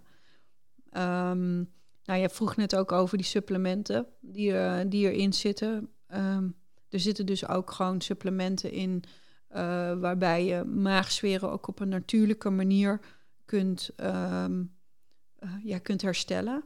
En dus natuurlijk weer de voeding en het ruwvoer. Dat is altijd één pakket. Dat, dat is onlosmakelijk met elkaar. ja. En de andere kant is op het moment dat ehm, ehm, als een paard heel veel pijn heeft, de, best wel veel eigenaren van ze- zeker wat oudere paarden willen toch weten van hoe, hoe, hoe staat het met mijn paard? Hoe hoog is de pijnindicatie? Weet je, kan ik nog wel met mijn paard doorgaan? Kan ik niet? En dat is natuurlijk altijd een ontzettende moeilijke vraag. Ehm, en daar, dan geeft het ook wel weer van, ja, eh, op welke plek staat het paard? Dan heb je het weer fysiek en mentaal. En fysiek kan een paard best soms wel eens een hele hoge pijnindicatie hebben, maar het mentaal gewoon nog heel goed behappen. Omdat een paard leeft gewoon per dag in het moment. En die gaat heel anders met pijn om dan wij dat zijn, wij dat doen. Ja. En soms is het ook gewoon heel erg andersom. Dat een, een, een mens het, nog, het paard nog niet kan loslaten. Maar dat als ik een pijnprotocol doe, dat ik echt gewoon echt heel verdrietig word. Want dat paard is er dan nog voor het mens. Maar zoiets heb jij ook al volgens mij een podcast over gehad. Eh, maar het is eigenlijk niet meer draaglijk voor het paard. En, eh, en dan kan zo'n pijnprotocol wel, eh, wel eens heel confronterend zijn. Maar ja, Ja. het is altijd aan, aan de paardeneigenaar eh wat ermee te doen. Dat is ook niet aan mij. En ik kan advies geven. Nee, wat dat betreft is het, gewoon, is het echt gewoon een, ja, een hulpmiddel, zeg maar. Ja, het is echt een hulpmiddel. Ja, Ja. ja. en ehm, maar hieruit eh ontstaande, ehm, er zijn natuurlijk heel veel medicatie voor pijn. En er zijn ook wel wat ehm, natuurlijke pijnstillers op de markt. Eh, en het ene werkt wel bij het ene paard en het andere niet. Eh, en zo heb ik samen met, met Anouk eh, zijn we heel veel natuurlijke pijnstillers gaan eh, verzamelen. En wat wij nu ook gaan doen, is naast het pijnprotocol aanbieden om eh, uit te gaan meten of een paard een bepaalde combinatie van natuurlijke pijnstillers kan hebben. Dus dan maken we dus een, echt een naar behoefte een mix, dus heel specifiek op dat paard wat werkt, om te kijken of dan de pijn minder kan worden en het paard nog een tijdje mee kan en gewoon een goede ehm, Kwaliteit van leven heeft, zeg ja, maar. exact. Ja. En eh, dan moet je echt denken aan groenlip, mossel, duivelsklauw, eh yucca, eh boswellia. ehm, ja, en er zijn ook heel veel kruiden die daarin helpen. ehm, berkenblad, salie ook weer. Salie is heel, heel breed inzetbaar. Ehm, olijfblad. Weet je, en, en het wordt dan een combinatie tussen een kruidenmix en een natuurlijke pijnstiller wat een paard dan gewoon nog, eh, wat jij zegt, een goede kwaliteit van leven kan geven. zonder dat het het hele systeem belast. Ja. Oh, ik vergeet natuurlijk de kurkuma. De kurkuma is natuurlijk ook een hele mooie om in te zetten. Ja. En als je daar een combinatie kan maken die echt specifiek voor dat paard is, dan, uh, dan overal losse dingen kopen, hebben wij het idee dat dat uh, wel heel erg gaat helpen. En dat zit Ja. in de kinderschoenen en dat, dat komt hier ook uit voort. Dus dan Mooi. maken we weer een loopje met kruiden. ja. Nou, mooi. Ik ben, eh, ik ben benieuwd. ja, Ja. En ehm, je, je, je gaf al een paar keer aan en je werkt heel veel samen met, eh, ehm, met anderen, met behandelaars, Mhm. met nou ja, eigenlijk allerlei andere paardenexperts. En voordat de podcast begon had je het al eventjes over een evenement wat eraan komt. Ja, ehm, nou, eh, ik ben een van de dames van Horse Connect. En wij, eh, wij hebben een keer een oefenmiddag gekregen, ge- gehad. En daar gingen we meer dus naar de buitenkant van het paard kijken. eh, om te kijken van wat zie je nou van buiten, wat er eventueel van binnen mis is. En eh, nou hebben wij een... ehm, eh, nou pak ik wel even mijn briefje erbij. Ja. Het is een hele mooie titel, maar het paard binnenste buiten, dus interne eh, problemen aan de buitenkant herkennen. Eh, en hebben we superleuke sprekers, waaronder Eerlijk Laarakkers en twee van onze, van onze connecties. Ehm, het is specifiek voor professionals, want het, het zal van een hoog niveau zijn. En dat is voor paardeneigenaren vaak nog wel lastig. Dus professionals heb ik het echt over. Heel veel eh, jargon eh, zit Heel erin, veel zeg maar. jargon, ja, zit erin. Maar ja, ehm, op 3 april, dus eh, daar gaan we dit soort dingen allemaal bespreken. En mede ook van, wat zie je aan de buitenkant? Ik krijg vaak van, ja, mijn paard is heel ribbig, maar hij heeft zo'n dikke buik. Dus en meestal heeft dat vaak met het voer en natuurlijk het ruwvoer eh, te maken en het krachtvoer. En dat paard helemaal opgeblazen is, maar niet genoeg vet of eh, spieren kan aanmaken. Ehm, of ja, mijn, mijn, spier, mijn paard wil juist geen spieren aanmaken. Of mijn paard is juist eh, te dik. Of mijn paard heeft boven de lendenen, he- bolt het wat op. Ehm, eh, Ja, Nou ja. allerlei uiterlijke kenmerken. ja, ja. ja, en eh, dat heeft ook heel vaak met voeding te maken, maar ook heel vaak natuurlijk met andere dingen. eh, zoals eh, Organen misschien. organen. Ja. Ja, organen. de lever, de nieren, bijnieren. ehm, ehm, nou, de baarmoeder en de eierstokken zijn natuurlijk ook heel belangrijk. Ehm, en de manier van lopen kan ook heel vaak met castratielitteken te maken hebben.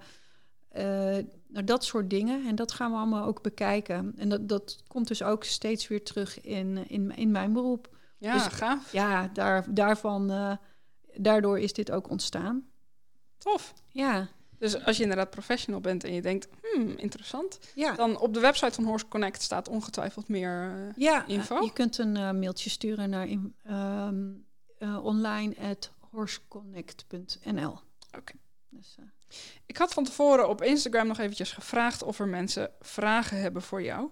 mhm. Ik, eh, ik kondig altijd van tevoren aan als ik een eh, podcast ga opnemen. En dan eh, via mijn eigen kanaal, Rianne Dekker, of via Horse in Mind. Dus Mhm. ik zal even kijken. Ehm, ja, er zijn een paar die hebben we eigenlijk al beantwoord. Ehm, ik zou graag willen weten welke aanvulling ik kan geven naast Vitalbix. Ehm, maar ja, dat, ik denk dat tegen de tijd dat eh, diegene aanbeland is bij het behandelen van deze vraag, zeg maar, in deze podcast, dan heb je eigenlijk je antwoord al.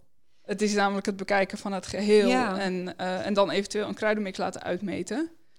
Ja, nou, stel dat, eh, dat ze alleen maar de Vitalbix Daily Complete geeft, dus het vitamine mineralen. ehm, en ehm, ze mist bijvoorbeeld wat body bij haar paard en ze, ze geeft wel voldoende ruwvoer. Dan zou je er bijvoorbeeld ehm, eh, dingen bij kunnen geven, zoals uh, bietenpulp. hè, voor de darmstimulatie, maar dat zet ook aan. esparcetten, ehm Timothée-brokjes, eh, inderdaad lucerne of lucerne-brokjes. Eh, je, hebt, je hebt hele mooie producten van, eh, ook van Vitalbix, dat is de Nutrimesh als extra. Of ze gaat over ehm, naar de Active Plus van Vitalbix. Ja. Ja. dat heb je ook. Ehm, ja, van A-groeps heb je nog dingen. Je hebt ook graspellets of hooipellets. Hè, waarbij je het, het, het Ja. ruwvoer extra aan, aanvult. Dus er zijn eigenlijk gewoon best wel veel opties. Ja, er zijn zoveel Ja. meer opties dan mensen denken dat er zijn. Ja. En, eh, en, en ook grote voederfabrikanten, die krijgen nu echt best wel goede producten. Waar, ehm, waarbij ze ook op deze markt, want die zien natuurlijk ook wel dat dit, dit is niet een hype. Dit is gewoon, hè, dit moet gewoon ontstaan omdat er te veel paarden ehm, eigenlijk gewoon doodgaan aan verkeerde voeding. Ja. Door ziektes, door eh, kolieken, door darmproblemen, maagproblemen, noem het allemaal maar op. Het zijn er echt zoveel meer dan, dan de meeste mensen denken dat er zijn. En dat moet gewoon ophouden, want je kunt gewoon heel goed je paard voeren. Ja. En op die markt wordt gewoon nu echt heel goed ingespeeld en wordt er veel beter gedacht van, ja, wat is nou de oorsprong van het paard en wat is en, en, en hoe eh, functioneert een paard van binnen? ja. En veel beter afgestemde voeding daardoor. Ja, zeker. Ja. Oké. Ehm, Lilian die vraagt, eh, zijn er ook kruiden die paarden absoluut niet mogen? ja, dat zijn er een hele hoop. Kun je er eens een paar noemen? Oh jee, nou dat stelt ze me wel. Nou ja, eh, Sint, ehm, ehm, Sint-Jans Kruiskruid natuurlijk. Ja. ehm, ja, moet ik ze nu oplepelen? Jeetje, ik zit alleen maar in wat wel goed is en niet... Ja, nee, Nee, dat ik- is logisch natuurlijk. Want je werkt elke dag alleen maar met kruiden die natuurlijk wel mogen. Ja. Dus je hebt dat, die, die hele data in je hoofd aan, aan kruiden die niet mogen. Die heb je niet zo nodig elke dag. Nou, ik kan wel vertellen dat echt de esdoorn is echt mega giftig voor paarden. Taxus is mega giftig voor paarden. Dus dat soort dingen moet Ja. je echt niet... Hoe zit eh, het met eikels? Ik Ja. weet dat de, de groene jonge variant is, is giftiger dan, dan als ze rijp en bruin zijn. Ja, ik heb, Maar, ja. ik heb er een mooie blog over geschreven, net als de esdoorn. Ehm, maar het gaat om het tanninegehalte erin. En Ja. het is inderdaad per, per eikel kan dat eh, veranderen. Maar ze kunnen er wel wat van eten. Eh, waarom sommige paarden echt heel veel eten, dat is nog heel erg onduidelijk. Dus waarom eten ze dat voor welk tekort? Ja. Ehm, en een, een aantal eikels eten, dan hoef je echt niet meteen eh, moord en brand te schreeuwen. Dat kan echt. Eh, zijn het kilo's, dan moet je je echt zorgen maken.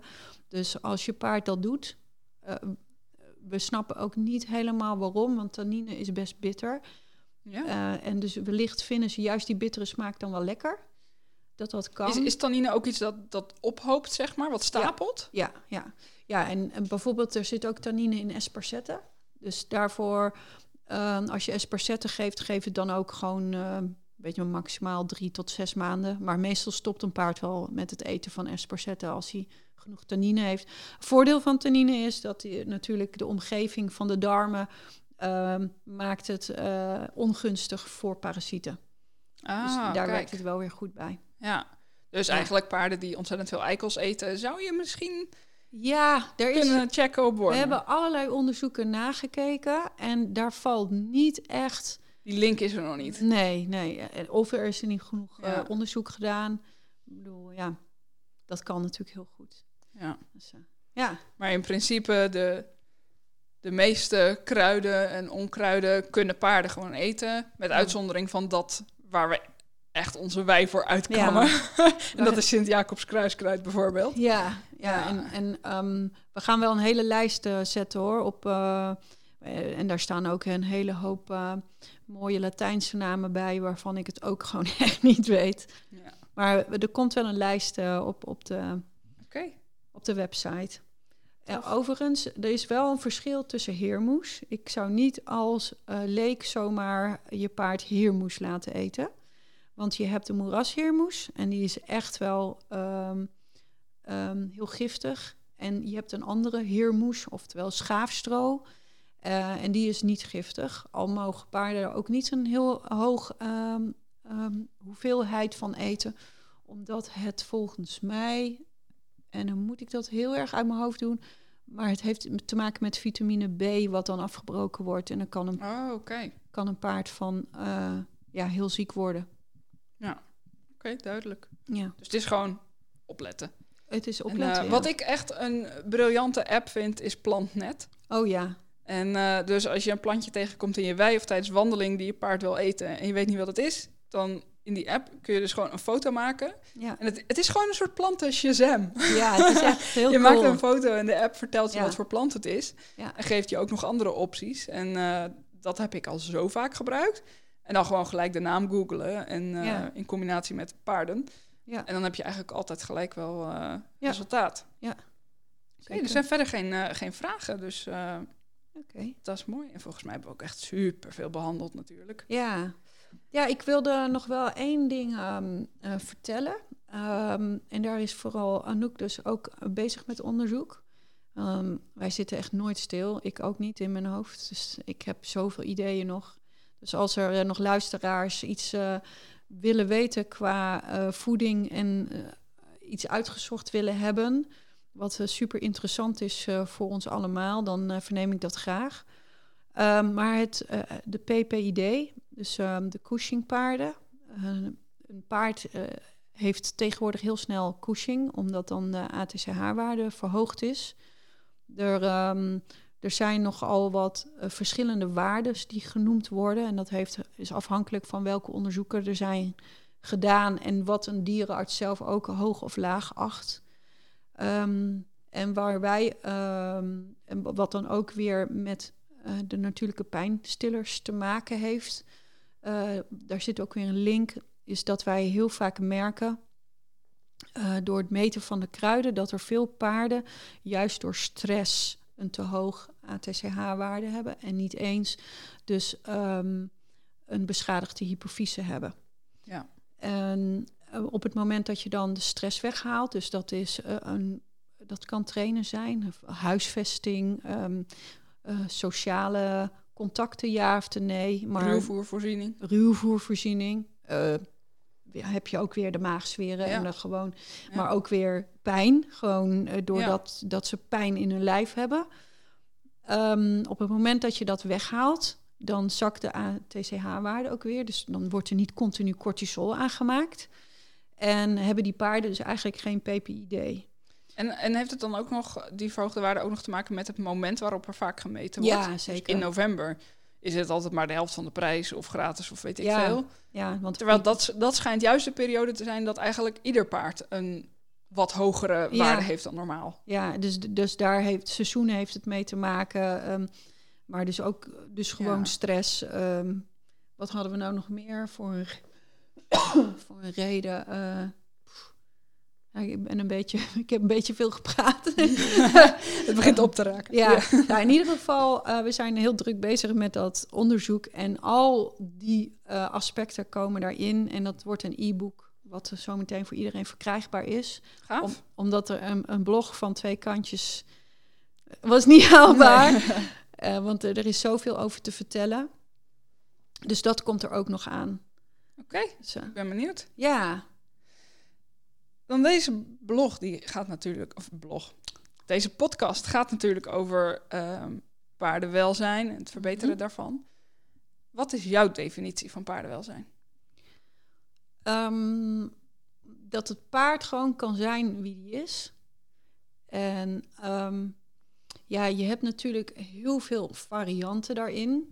Eh, moet hij wel op de wei? Moet hij niet op de wei? Eh 24-7 of... eh, eh, in mijn geval eh, staan mijn paarden op de paddock eh, elke dag, van s morgens tot s avonds, met soortgenoten.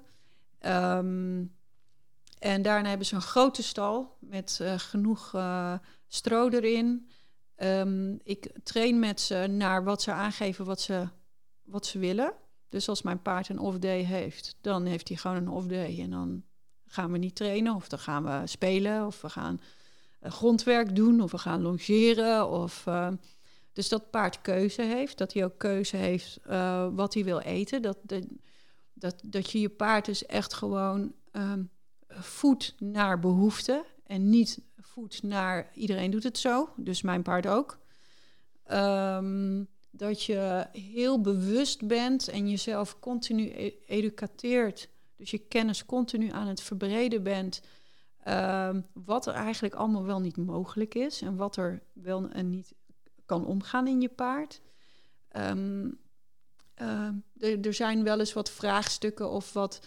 eh, dat, dat mensen het over de ontwetendheid hebben van andere mensen.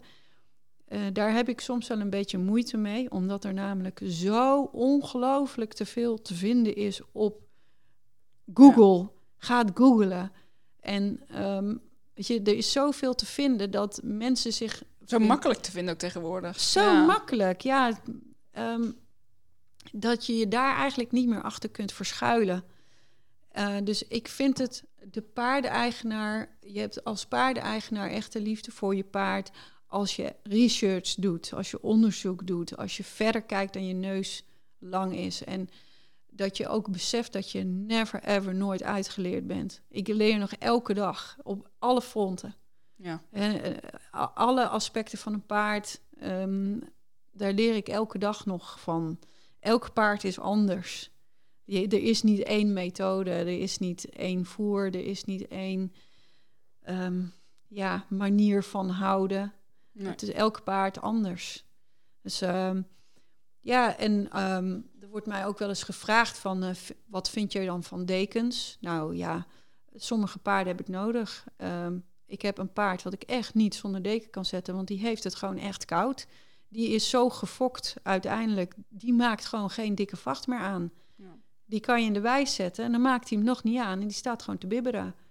Dus ja, daar, daar moet je dan op inspelen.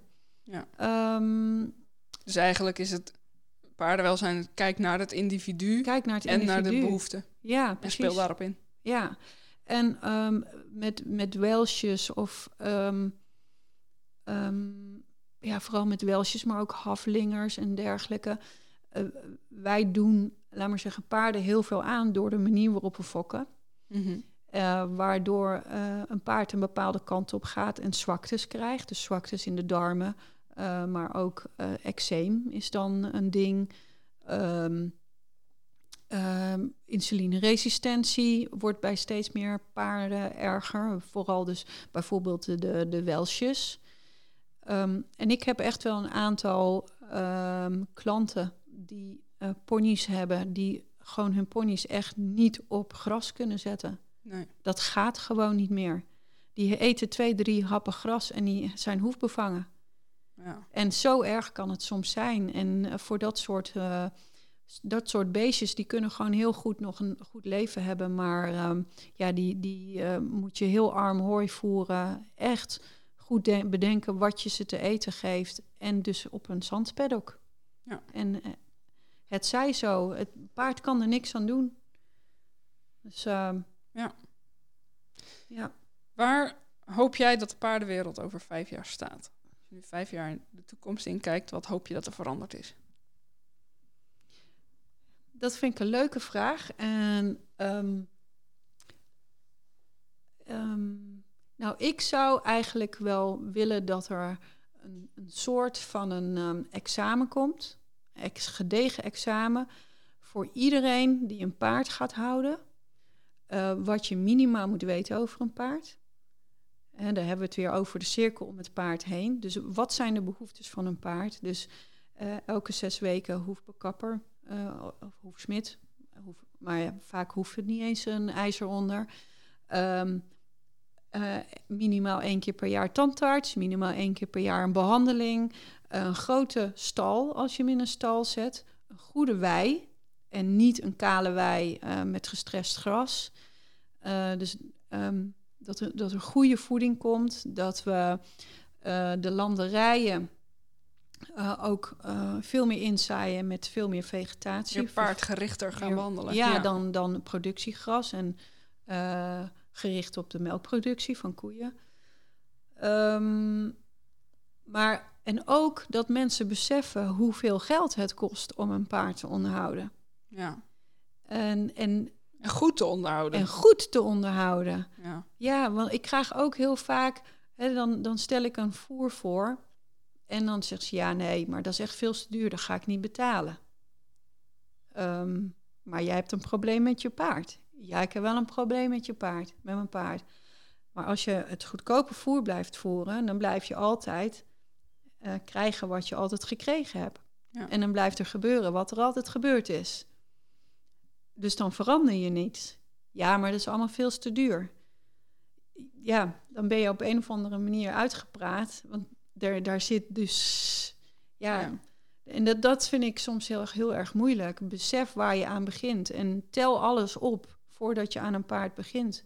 Ja. En ook je harnessement. Dat, dat je, hè, jij en ik zijn allebei trainers en allebei revalidatietrainers. Als je soms kijkt hè, wat voor een zadel of hoofdstel of bit of wat dan ook erop zit, op, op, op, op, op het paard zit, dan schrik je soms echt dood. Ja. En ehm, besef dat eh, alles, alles, alles wat kwaliteit is, kost geld. Dus een paard is duur, een pony is duur, ook een Shetlander is duur. Er bestaan geen goedkope paarden. Nee. Ja, en de- dat is, ja, dat is wel Ja. wat ik wil waar de wereld er- naartoe gaat. Precies, dus dat er over vijf jaar gewoon wat meer besef is over en wat een paard kost, maar ook vooral wat hij nodig heeft. Wat Ja. hij echt nodig heeft. Wat hij echt Ja. nodig heeft, dat daar bewustzijn van is. Ja. We hebben dus aan het einde van de podcast weer een, eh, een giveaway. En ehm, Jente die gaat een kruidenmix weggeven. Ja, Ehm, dus ze gaat een kruidenmix uitmeten voor één gelukkige winnaar van eh, de luisteraars van deze podcast. En als je nou deze aflevering zit te luisteren en je denkt, nou, ik wil wel zo'n kruidenmix voor mijn paard. Het is natuurlijk leuk als je dat ook echt nog nooit hebt gehad, zodat het een, eh, eh, echt iets, iets nieuws is waar je kennis mee maakt. Dan kun je gaan naar www.horseinmind.nl slash kruidenmix. En als je daar naam en e-mailadres achterlaat, dan ehm, laten we de kat van Jente een, een week na het uitkomen van deze podcast een winnaar kiezen. Eh, we hebben vandaag al zo ongeveer de hele middag naar, eh, naar Koos gekeken. en ehm, ik denk dat als wij een, eh, een pot met papiertjes met de namen van de deelnemers daarop hier neerzetten, dan gaat hij een winnaar kiezen. ja. Dankjewel voor dit zeer uitgebreide en heel erg leuke gesprek. ja, graag gedaan. Ik vond het ook superleuk. En nou, ik heb nog zoveel meer te vertellen, maar misschien voor een andere keer. Ongetwijfeld. Dat Ja. komt goed. Dankjewel. graag gedaan. Hey, tof dat je hebt geluisterd. Nog even een paar dingetjes. Je kunt Horse and Mind vinden op Facebook en Instagram. Ik zou het superleuk vinden om daar te horen wat je ervan vond. Je kunt natuurlijk ook een review achterlaten via je podcast-app of via de Horse and Mind Facebookpagina. En wil je nog meer leren over het houden en trainen van paarden? Check dan ook eens www.horseinmind.nl. Hier vind je naast de podcasts en blogs ook een uitgebreid gratis e-book en een heel tof en waardevol membership met maandelijkse lezingen, video's, kortingcodes en een leuke community. Tot de volgende aflevering.